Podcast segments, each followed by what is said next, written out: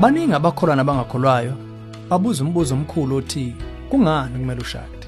Ikuphi nje ngempela inkinga ngesahlukaniso nokuthi kungani kumele uthembeke kumuntu oyedwa impilo yakho yonke? Ifocus on the family ihlale njalo ivikela umshado nsuku zasa. Futhi khona la ohlelweni ezomndeni sizophendula umbuzo ubuke kulula kodwa unyinyithekayo hlala ungasuki.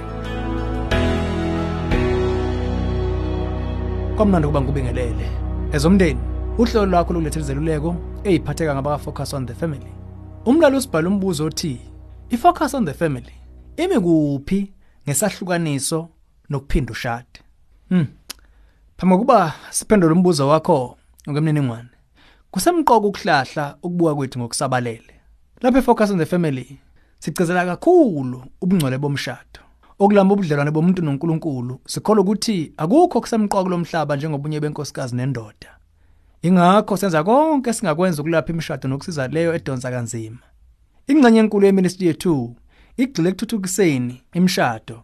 Sesikushilo ke lokho sithanda ukupha indima zeBhayibheli esimngazo ngokwemicabango yemishado nezahlukaniso nokushada isibili.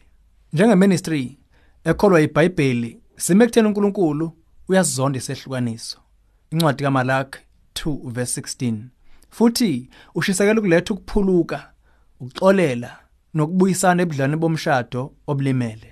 Nokho sinomuzwa ukuthi kuseyigabeni ezintathu la khona ibhalo zivumela isehlukaniso nokushada isibili uma umshado oqala nesahlukaniso senzeka phambi kokusindiswa nakuba umuntu angeke sule zonke izona zenzile uyathethelwa ngamaphutha awenza phambi kokwamukela uJesu Kristu.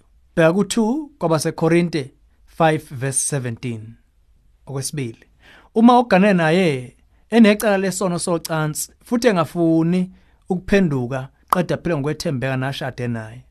uJesu wacacisa ukuthi isehlukaniso siyemukeleka eqini kwenhliziyo loluhlobo bheka uMateyu 19 verse 9 bese kuthi kwesithathu uma omunye engakholwa futhi elahla ngenhloso lo ashade naye olikholwa. Lokhu akuchazi ukuhlona ngokwesikhashanyana nje kodwa kuqonda ukuthi uma emlahla ngokuqhubeka ngokumile permanent bheka kweyokuqala kwabaseKorinte 7 uverse 12 kuya ku15 nantu ke olunye uhla lweindima zeBhayibheli engaba losize eqondeni kahle ukubuka kobuKristu umshado nesahlukaniso. Ukubuka emshadweni Genesis 2 verse 24 uthi yingakho indoda ishiyise nonina qede namathele kunkosikazi wayo obese bebanyamanye bhekana kuMateyu 19 verse 4 kuya ku6 kwabaseRoma 7 verse 1 kuya ku3 no 1 kwabaseKorinte 7 verse 1 kuya ku40 lithini iBhayibheli ngesahlukaniso?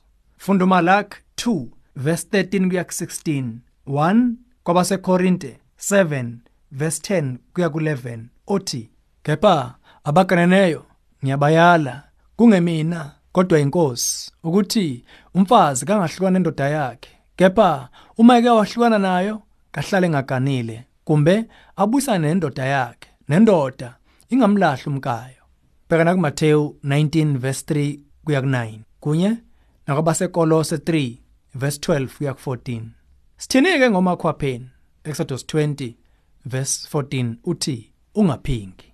Ufunde noMateyu 5 verse 28 1 kwabaseKorinte 6 verse 12 kuya ku20 kumaHebheru 13 verse 4 yini ke amaqhaza enkosikazi nendoda ngokweBhayibheli? Funda kwabaseFesu 5 verse 21 kuya ku33 nakabaseKolose 3 verse 18 kuya ku19 ngakho konke lokho sesikushilo kusemqoka ungeze uqaphela ukuthi singabambeki kwemiqathango yesahlukaniso size silibale ukuba nesihe nabantu abakulesi simo. Badinga uzwelo lobuhlobo bethu nokubaqonda kungakhathalekile izimo zithini eziholele ekunqamukeni komshado wabo. Ukubabuka njengabanochoko kumbe abantu abayizinto nje akusikho nje ukuthi kulunya lokho. Kodwa kuwephula umyalo wobuKristu wokuthanda omnye nomunye njengoba naye esithandile. Abukho ubhlungu njengokufaka usawoti esilondeni empilweni yomuntu. Kunalokho sibiziwe ukuba impulukiso empilweni zabo singabafaka usawoti esilondeni. Uma kuukuthi umshado wakho usebhlungwini nawo kumbe unembuzo ethe xaxa ngalesihloko sicela ukumemela ushayele umnyango wezokweluleka focus on the family. Izisebenzi engabaluleki ziyothokoza ukukusiza ndlela zonke. Zingaphinde futhi zikuxhumanise nongoti bokulapha umshado abaseduze nawe. Sicela ushayele ku-031 716 3300 kumbe ungene ku-safamily.co.za bese uthi cofo ku-counseling link. Lolu hlelo ezomndeni. Ulethulelwe yi-focus on the family sihlangabezwa hlelo luzayo sesihlabelisa phambili umndeni wakho.